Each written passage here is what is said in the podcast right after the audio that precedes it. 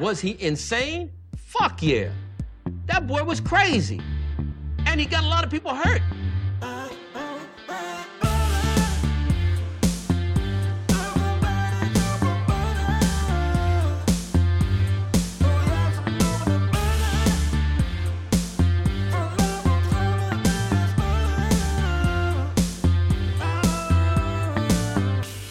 He doesn't like butter. I fucking love butter.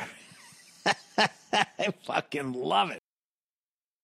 What's up, motherfuckers? Welkom bij weer een nieuwe aflevering van de Zonde van Je Tijd podcast. Een podcast waarin niet alleen, ik niet alleen mijn eigen tijd, maar ook uw kostbare tijd verdoe met het uitkramen van absolute onzin. Ik hoop dat deze podcast u treft in een blakende gezondheid, uitstekende gezondheid en weet ik veel wat. Let's get down to business, want ik heb letterlijk niks meer te vertellen. Eigenlijk moet ik deze podcast gewoon in de avond gaan, gaan opnemen en dan vertellen over wat ik die dag heb meegemaakt. Maar het gekke is, ik maak geen moer mee.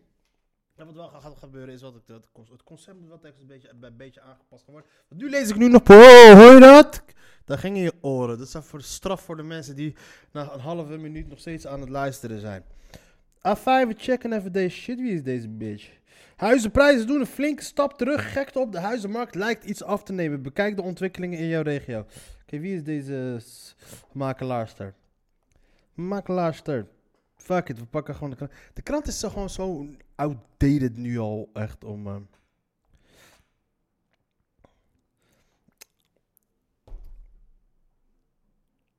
Nu op dit tijdstip. Avontuur ZZ Leiden is voorbij. Ja, geen finale. Kennelijk zou ZZ Leiden in de finale kunnen halen. Maar ze moesten tegen een paar Oergoes spelen. Maar die Oergoes maken je kapot. Want die zijn gek op de... Want die zijn gek op basketbal tegen Başakşehir. Başakşehir is een club uit Istanbul. Veel geld gaan. Nederland met, mee met flitsmacht. Dolle avonturen in de jungle. Hallo. Eh, we zien wie we hier zien is... ehm, Sandra Bullock. Go girl. Over de 50. En je ziet er nog steeds zo uit. You go girl.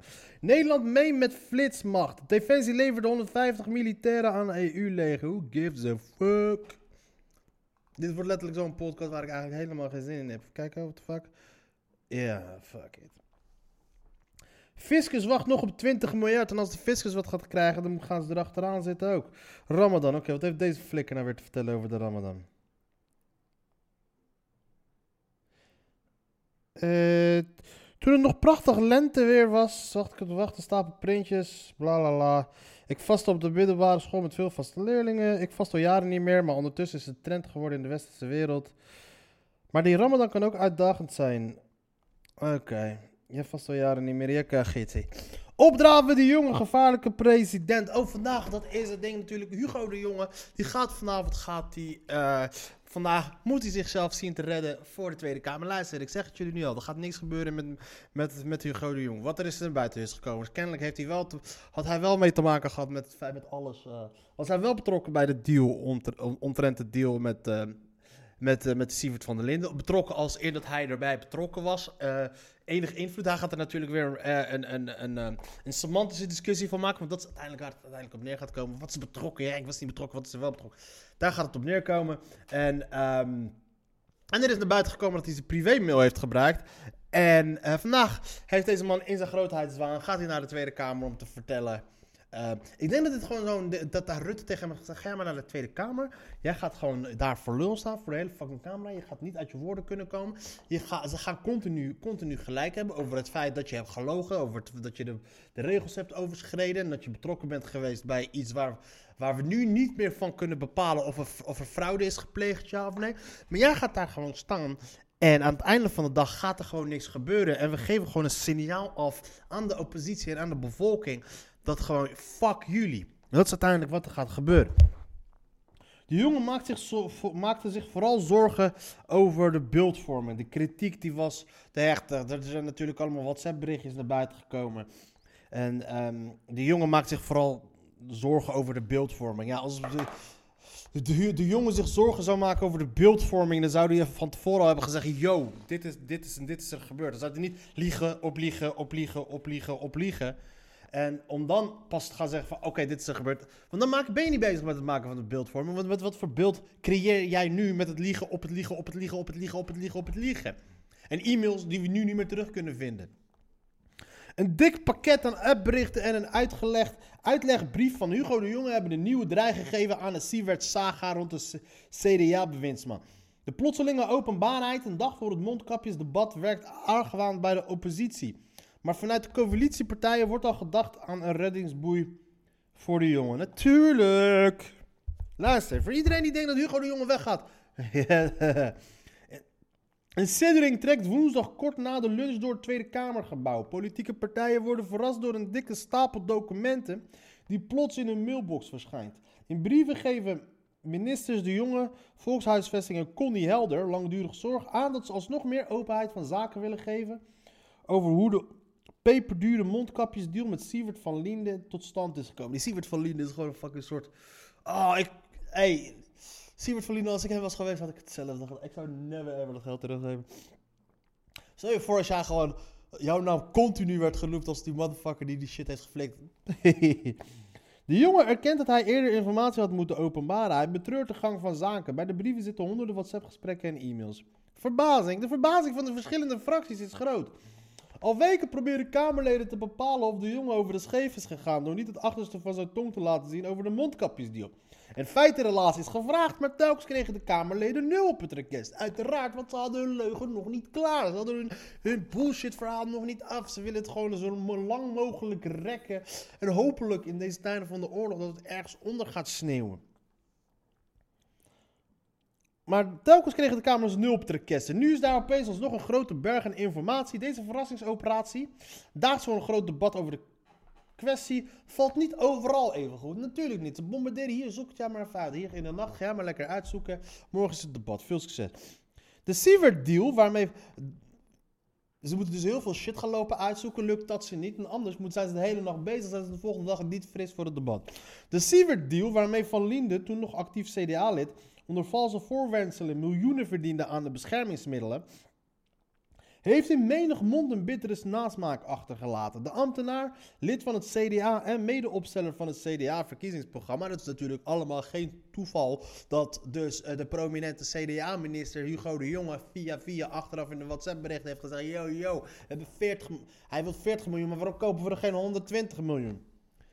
Dat hij wel kon en toonde zich bereid om dat niet te gaan doen. Een farse bleek het achteraf. Van Linde en zijn compagnons bleken hun zak te hebben volgepropt met belastinggeld en een deel van hun mondmaskers bleek niet eens te deugen.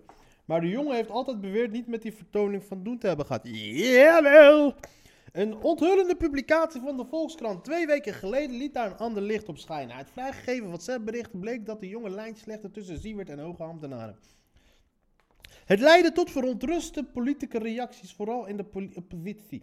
De hand vraagt waarom verhulde de jongen zijn aandeel in het geheel. Omdat hij heeft lopen, omdat hij heeft lopen snijden. Hij heeft, ook, hij heeft ook wat verdiend. Sindsdien probeert de Kamer meer openheid van zaken te krijgen, maar de jongen hield steeds de boot af. Wilde afhankelijk niet eens bij het debat over de Sievert-deal verschijnen. Inmiddels liggen de kaarten anders. Dinsdag gaf de CDA alsnog naar de Kamer te willen komen. Want waarschijnlijk heeft hij gewoon nu zijn hele verhaal af als in van oké, nou dit gaan we zeggen. Uh, of, ze, of ze hebben achter de schermen hebben ze de coalitiepartij zogenaamd overtuigd van uh, oké, hebben ze een plan van aanpak gemaakt. Zo bevestigt het beeld van de jongen wel degelijk mee te doen had, zelfs meer dat Volkskrant artikel deed voorkomen. Hugo, Hugo appt hoge ambtenaren Mark Frequent. Op jouw verzoek ben ik gaan knuffelen met Sievert. Dat is bijna een dagtaak. De jong antwoordt top, dankjewel. De jongen heeft zelf ook app-contact met Van Linde gehad. Daarin verwijst hij de mondkapjeshandelaar in de eerste instantie door naar Martin van Rijn, die als toenmalige minister voor medische zorg verantwoordelijk was voor de inkoop van beschermingsmiddelen. Bij een later belverzoek bij een later belverzoek van Siewert vraagt de jongen of hoe het later in de week kan. Of het nog een belletje komt, wordt niet duidelijk. In de bericht valt wederom te zien dat de jongen zich vaak druk maakt om beeldvorming. Hij oppert dat iemand met Van Linde moet bellen, want de kritiek is te massief. En hij F Van Rijn met het verzoek om Van Linde te bellen voor laatstgenoemde in Nieuwsuur aanschuift. Want dat helpt misschien een beetje. Ja, natuurlijk. Zie je, dus hij zet... Het is een fucking ambtenaar. Niemand weet wie Sievert van Linde is.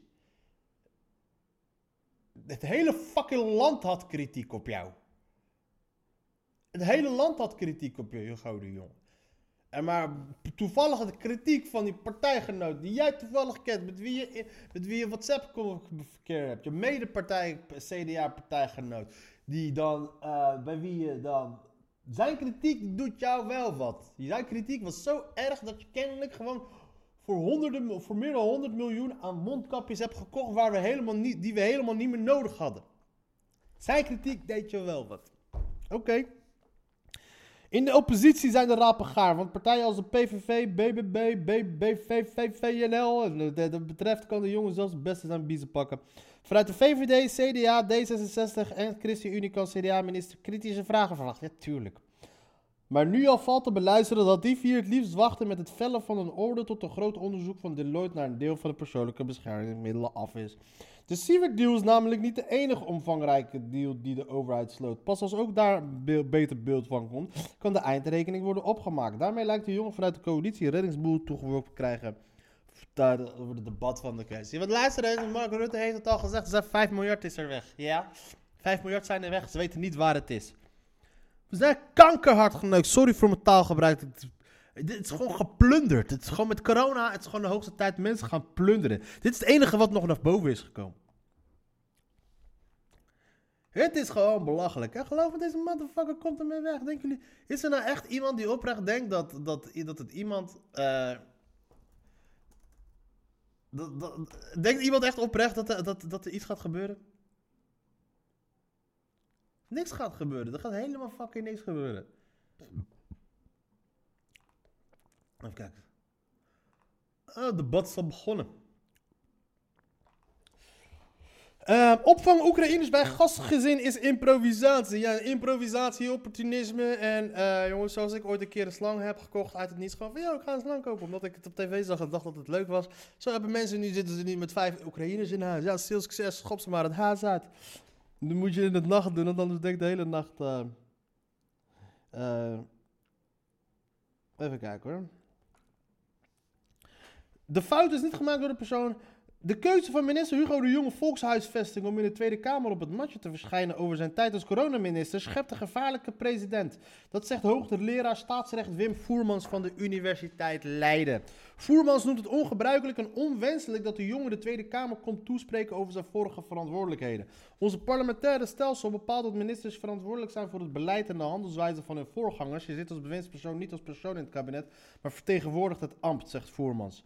Stel dat de jonge iets vertelt dat achteraf niet blijkt te kloppen. Dan zijn de huidige VWS-minister Ernst Kuipers en Connie Helder staatsrechtelijk verantwoordelijk voor die uitspraak.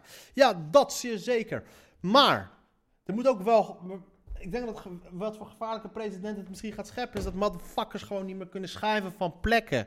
Misschien is dat de president daar waar we mee moeten gaan stoppen. Dat motherfuckers waarvan we, bij, bij wie we twijfels hebben over hun functioneren... dat ze die niet meer zomaar kunnen gaan schrijven op plekken. SGP-leider en Kamerveteraan Kees van der Staaij noemt de komst van de jonge straf staatsrechtelijk een rommeltje. Toch is het niet uitgesloten dat de jongen het veld moet ruimen nu hij eenmaal naar de Kamer komt. Hij maakt in die zin niet uit of hij wel of niet staatsrechtelijk verantwoordelijk is. Als de Kamer het vertrouwen in een bewindspersoon verliest, het maakt niet uit om welke reden kan die worden gedwongen om te vertrekken. Ministerspet. Volgens Voerman is niet eerder, niet, niet eerder in de geschiedenis voorgekomen dat de minister met zijn of haar nieuwe ministerpet op de tekst en uitleg komt geven in over zijn vorige post. Toch stapte wel eerder een bewindspersoon op voor zijn aandeel in een affaire die speelde tijdens het vorige kabinet. Recent vertrok Erik Wiebes uiteraard. Ik wist dat het altijd een VVD'ers zijn. Altijd VVD'ers. Van minister Economische Zaken en Klimaat vanwege zijn rol als staatssecretaris van Financiën tijdens de toeslagenaffaire. En Fred Teven stapte in 2016 op als staatssecretaris wederom een VVD'er en een veiligheid. Nou, dat zijn de politieke baas. Ivo Opstelten, ook een VVD'er. Het vast moest ruimen vanwege de bonnetjesaffaire. Conclusie, die VVD is gewoon een motherfucking maffia. Voermansen en CDA, ja, oké. Hugo de Jonge is een CDA, maar gedraagt zich als een VVD'er. Voerman zegt het feit dat de jonge privéberichten nu onderwerp van discussie zijn, geen reden is om, daar, om hem daarvoor het woord te laten voeren. De Tweede Kamer is geen rechtbank. De fouten die een minister maakt zijn niet door de persoon gemaakt, maar door een ambtsdrager. Ja, technisch gezien wel, maar dan moeten we kappen met die fucking onzin dat, we, dat ministers zich kunnen verschuilen achter uh, ambtsdrager. Ik ben dit niet ik, het is een persoon, bla bla. Nieuwe bestuurscultuur. Pas die fucking grondwet maar aan. Het parlement moet dus de huidige minister van VWS bevragen. Als het om waarheidsvinding gaat, kan het parlement het parlementaire enquêtecommissie vragen om uitbewindslieden te horen. Dan moet de waarheid worden gesproken, want dan gebeurt onder Ede. Daarna kan de minister of Kamer alsnog conclusies trekken. Geloof me, die motherfuckers, ook als... Het zijn de allergrootste leugenaren die er maar bestaan in de geschiedenis van de hele fucking mensheid. Nee, dat lul ik uit mijn nek, want ik zit vol met emoties. Ik ben hyped, ik ben wel benieuwd. Ik ben wel benieuwd naar wat er... in Die Tweede Kamer dingen zijn allemaal echt zo saai als de shit.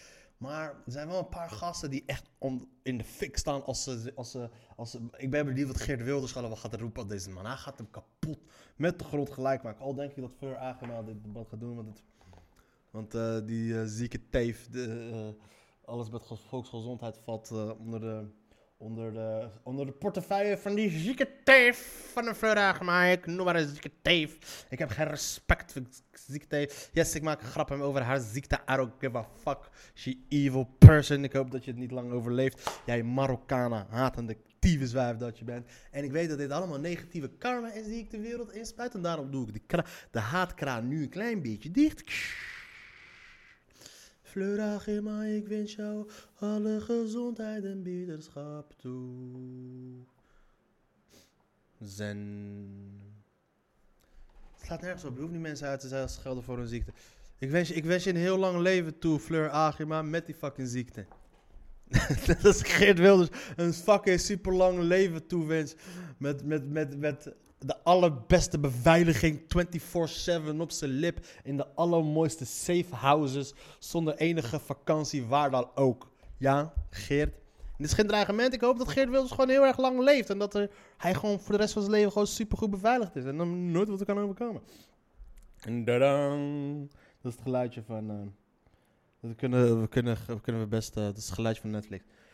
Vier vragen over het importverbod op sterke drank. Russische wodka? We kunnen best zonder. Yo, bepaal het voor jezelf, motherfucker. Er zijn mensen die... er- Verslaving is gewoon een... Alcoholverslaving is gewoon een serieuze iets, motherfucker.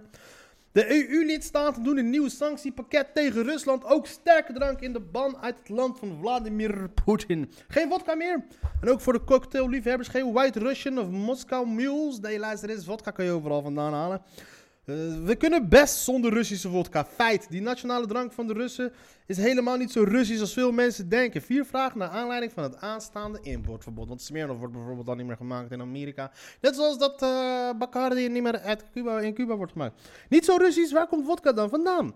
Over de oorsprong is er sinds jaren en dag. Kijk, dit soort artikelen die vind ik wel leuk. Vooral tijdens de Ramadan. Ah, affiniteit. Affiniteit noemen we dat mensen. Over de oorsprong is al sinds jaar en dag strijd. De Russen claimen weliswaar de uitvinder te zijn, maar de Polen roepen dat even hard. Deskundigen durven niet te kiezen. Ze houden het heel diplomatiek op dat is grappig. De drank werd al, voor 1400, werd al voor 1400 gestookt uit druivenmost. Toen had het een alcoholpercentage van 14%. Na de ontdekking van het destilleerproces werd de drank sterker. Tegenwoordig tussen de 35 en de 70 tiny procent. In 1894 patenteerde de Russische regering vodka met een gehalte van 40%. Gefilterd met houtskool genaamd Moskou de Bijzondere. Maar 20 jaar later werd Tsar Nicolaas II de drank zo lang... Verbood Tsar Nicolaas II de drank zolang de Grote Oorlog woedde. Na de Russische revolutie, revolutie van 1917 kwamen de stokerijen in de handen van de staat en vluchtten veel vodka-producenten naar het buitenland. Onder wie de familie Smirnov. Na omzwervingen begon Vladimir Smirnov de productie van zijn vodka in Amerika. Smirnov. We noemden, we noemden al de VS en Polen. In Nederland wordt ook veel vodka geproduceerd. Vooral verder onder andere Zweden, Litouwen, Finland, Engeland. Welke landen hebben eigen vodka-merken? Ja, dat, zijn, dat was de titel van, eh, van, de, van dit stukje wat ik nu aan het lezen ben. Ierland, Duitsland. Een eindeloze lijst. Wat betekent dat de drank niet uit de schappen zal verdwijnen met een boycott van Russische sterke drank? Er zijn veel alternatieven. En ook Oekraïne maakt vodka. Bijvoorbeeld eh Staritsky en Levitsky en Nimirov. mer- merken die in Nederland te vinden zijn. Drinken mensen nog Russische vodka in Nederland? Niet heel veel waarschijnlijk. Gelijk, bij het begin van de Russische invasie in de Oekraïne verschenen er op social media tal van filmpjes van mensen die een stolichnaya in het riool goten. En al voor een offici- officiële Europese boycott zijn veel slijterijen gestopt met de verkoop van Russische merken als Stolichnaya. Moskovskaya en Russian Standard. Bij Wines More in Leiden staat Russische vodka nu wel in de schappen. Maar ze worden niet meer ingekocht. Van elke verkochte fles gaat 5 euro naar Giro 555. Dat vonden wij wel passen. Ook in cocktailbars en eetgelegenheden zijn menus en drankkaarten aangepast. Gordon Heukenrot, eh, dat is die man, liet weten dat er geen Russische vodka meer geschonken wordt in zijn restaurant, de Burger Room. Eh, en de Moskou Moe heet er European Mule. Bij cocktailbar Wikbold in Haarlem schenken ze een Haarlem Mule, maar dat is, dat is al fel voor de Russische revolutie. Maak een drankje net als de Haarlem Mule. Maak, maak het drankje net als de Haarlem Mule die met de Nederlandse Ketel One vodka is gemaakt met de vodka uit willekeurig welk land, bla bla bla, weet ik veel. Dat is ook echt fucking. eh, Gordon Herkenrod. Het feit.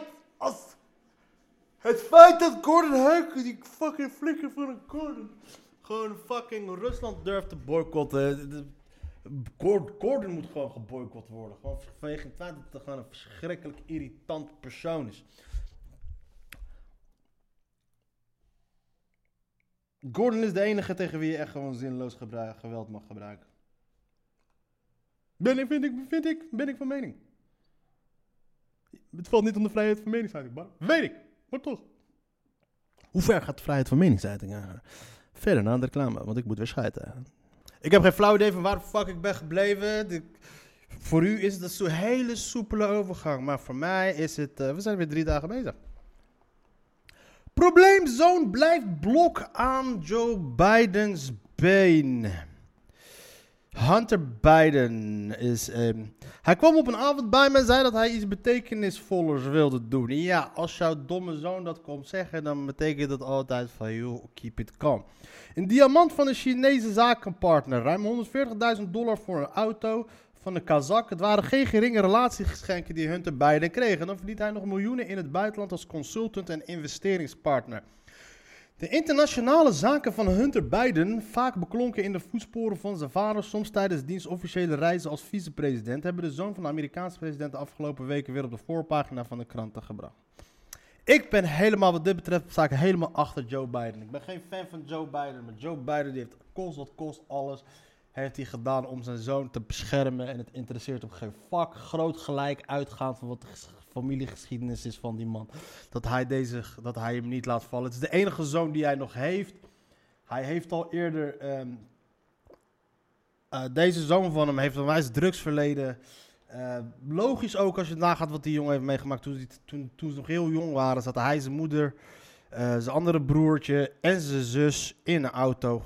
Gigantisch zware ongeluk gehad waarbij zijn moeder en zijn zusje is overleden. En, en toen was zijn vader zat toen net in het senaat.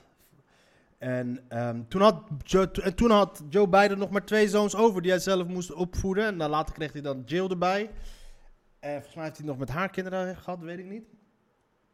Maar, ehm, dus, maar dat is natuurlijk. eh, Dus, dus op een gegeven moment, en niet zo lang geleden toen Obama nog president was, was zijn andere zoon overleden. En dit is dan nog zijn enige zoon die hij heeft.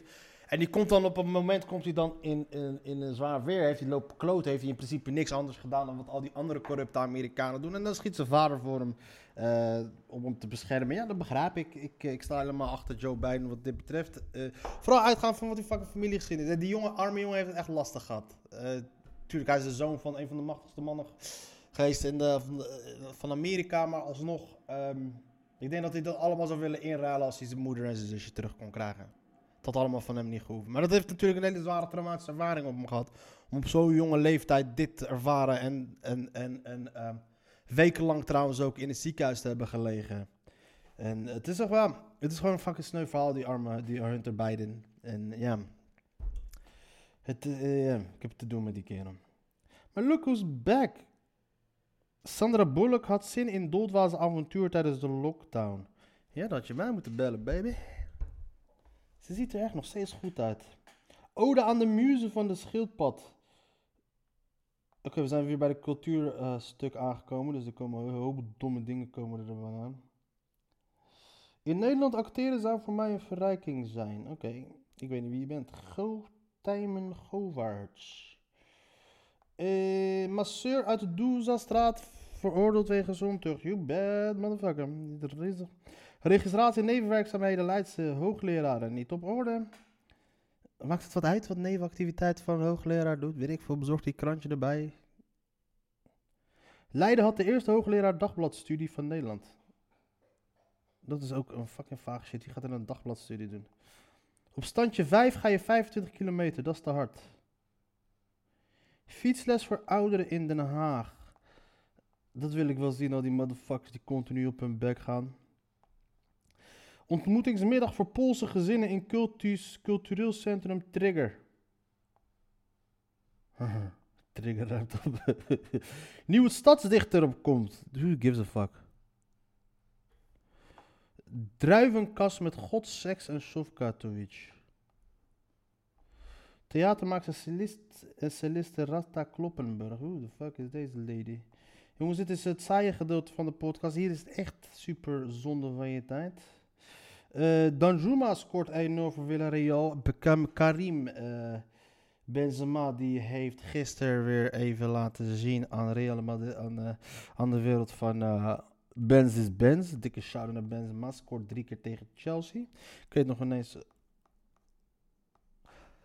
Ah, fijn. Dat is dan eh, de krant. Gaan we kijken wat het nieuws is. Kijken, zijn er wat interessante dingen gebeurd? Eh, vrij weinig. Eh, ik heb nog steeds last van mijn enkelbanden, dus ik kan nog steeds helaas niet werken. Dat doet nog steeds een beetje pijn. Auw, auw, auw. De Ramadan gaat prima. Ik trek het geweldig. Zolang ik maar niet naar buiten ben. Gewoon niet naar buiten kijk. Niet op het internet. Geen televisie kijk. Niet aan eten denk. Niet aan vrouwen denk. Helemaal nergens aan denk. Dus dat is allemaal prima. Ehm, prijs van koophuizen daalt voor het eerst in drie jaar. Oké. Je had moeten verkopen. De gemiddelde prijs van een bestaande koopwoning was in de eerste drie maanden van, van dit jaar iets lager. Oké. Ja, die huizen van nu slaan helemaal nergens op. Ik, eh, aan de ene kant vind ik het wel prima als de huiseigenaar. Maar aan de andere kant denk ik wel, ja, op de lange termijn gaat er iets naar de malle moer als eh, dit soort shit eh, gewoon kan plaatsvinden. Dus dat is best wel vaag.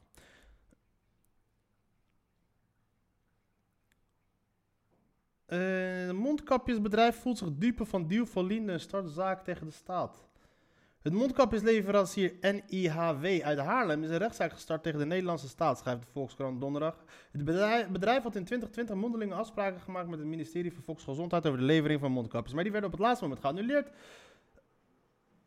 NIHW vermoedt dat de omstreden deal met Sievert van der Linden daar alles mee te maken heeft. Ja, waarom niet? Go get your money, NIHW. Pluk ze. Pluk de fucking overheid. Pluk die motherfuckers. Belgische post... Belgische PostNL topmannen vrijgelaten uit voorraad. Wat de fuck is er aan de hand in België? Ik heb gelezen dat er laatst daar een inval is geweest. Omdat bij de PostNL top... Wat de fuck? Slopen ze daar pakjes te dealen of zo te pushen.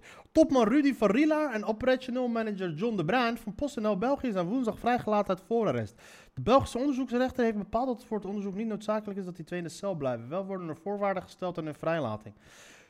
De twee werden vorige week samen met een derde bestuurder opgepakt toen de Belgische justitie invallen deed in drie depots van PostNL in België. Oké, PostNL in België. PostBE. De drie zouden ervan verdacht leiding te hebben gegeven aan een criminele organisatie. Ook zou er sprake zijn van menshandel en valsheid tegen schriften. Straight up gangsterisme. Waarom is dit niet in de voorpagina? Staat dit niet op de voorpagina's? De Belgische autoriteiten onderzoeken PostNL al langer vanwege onder meer vermeden misstanden rond zwartwerk en deeltijdwerk. Oké, dat wordt nu wel minder interessant. De drie zouden begin deze week vrijkomen, maar het justitieonderdeel van het onderzoek ging een beroep. Oh, ze onderzochten hun al vanwege dat. En nu komt dat er, nu, na aanleiding van het onderzoek, komt dit naar buiten. Net als die. Behalve de vrijlating van de bestuurders heeft de Belgische justitie ook de depots in Wommelgem en Willebroek vrijgegeven. Die werden sinds de inval ver- verzegeld, waardoor pakketjes die daar later lagen niet bezorgd konden worden. Het bedrijf heeft momenteel geen negen pakkettendepots en het bedrijf heeft momenteel negen pakkettendepots en so- sorteercentra en één cent- sorteercentrum in België. Chaos, crisis in de zaal. Hey, luister eens, het is een fucking ideale dekmantel als je drugs wil pushen vanuit het buitenland. Het is fucking ideaal. Of als je van alles wil pushen, is, is dat gewoon perfect, zo'n eh, zo'n zijn van PostNL. Ah, fijn. Eh, wat hebben we nog meer? Nou, Rusland haalt volgens Zelensky vermoorde Oekraïners van straat. Hey, die, die Zelensky, ik, ik begin steeds meer te hebben bij die motherfucker, man. Ik, eh... Ik, eh, ik heb issues. Ik, ik, eh, het, het, hij wordt mij een beetje te populair, die kerel. Politieke partijen verbieden, tv-zenders verbieden. eh, ja. Eh, dat. Heel veel centen hebben die je niet kan verklaren. Dat soort shit. Eh, creepy shit. Dat is apart. Enfin. Voor iedereen die deze podcast tot zover heeft weten te beluisteren, wil ik je hartelijk bedanken. Maar wel adviseren. Zoek wat met je leven. Dames en heren, dit was de zonde van je. Want dit was namelijk de zonde van je tijd podcast. Peace.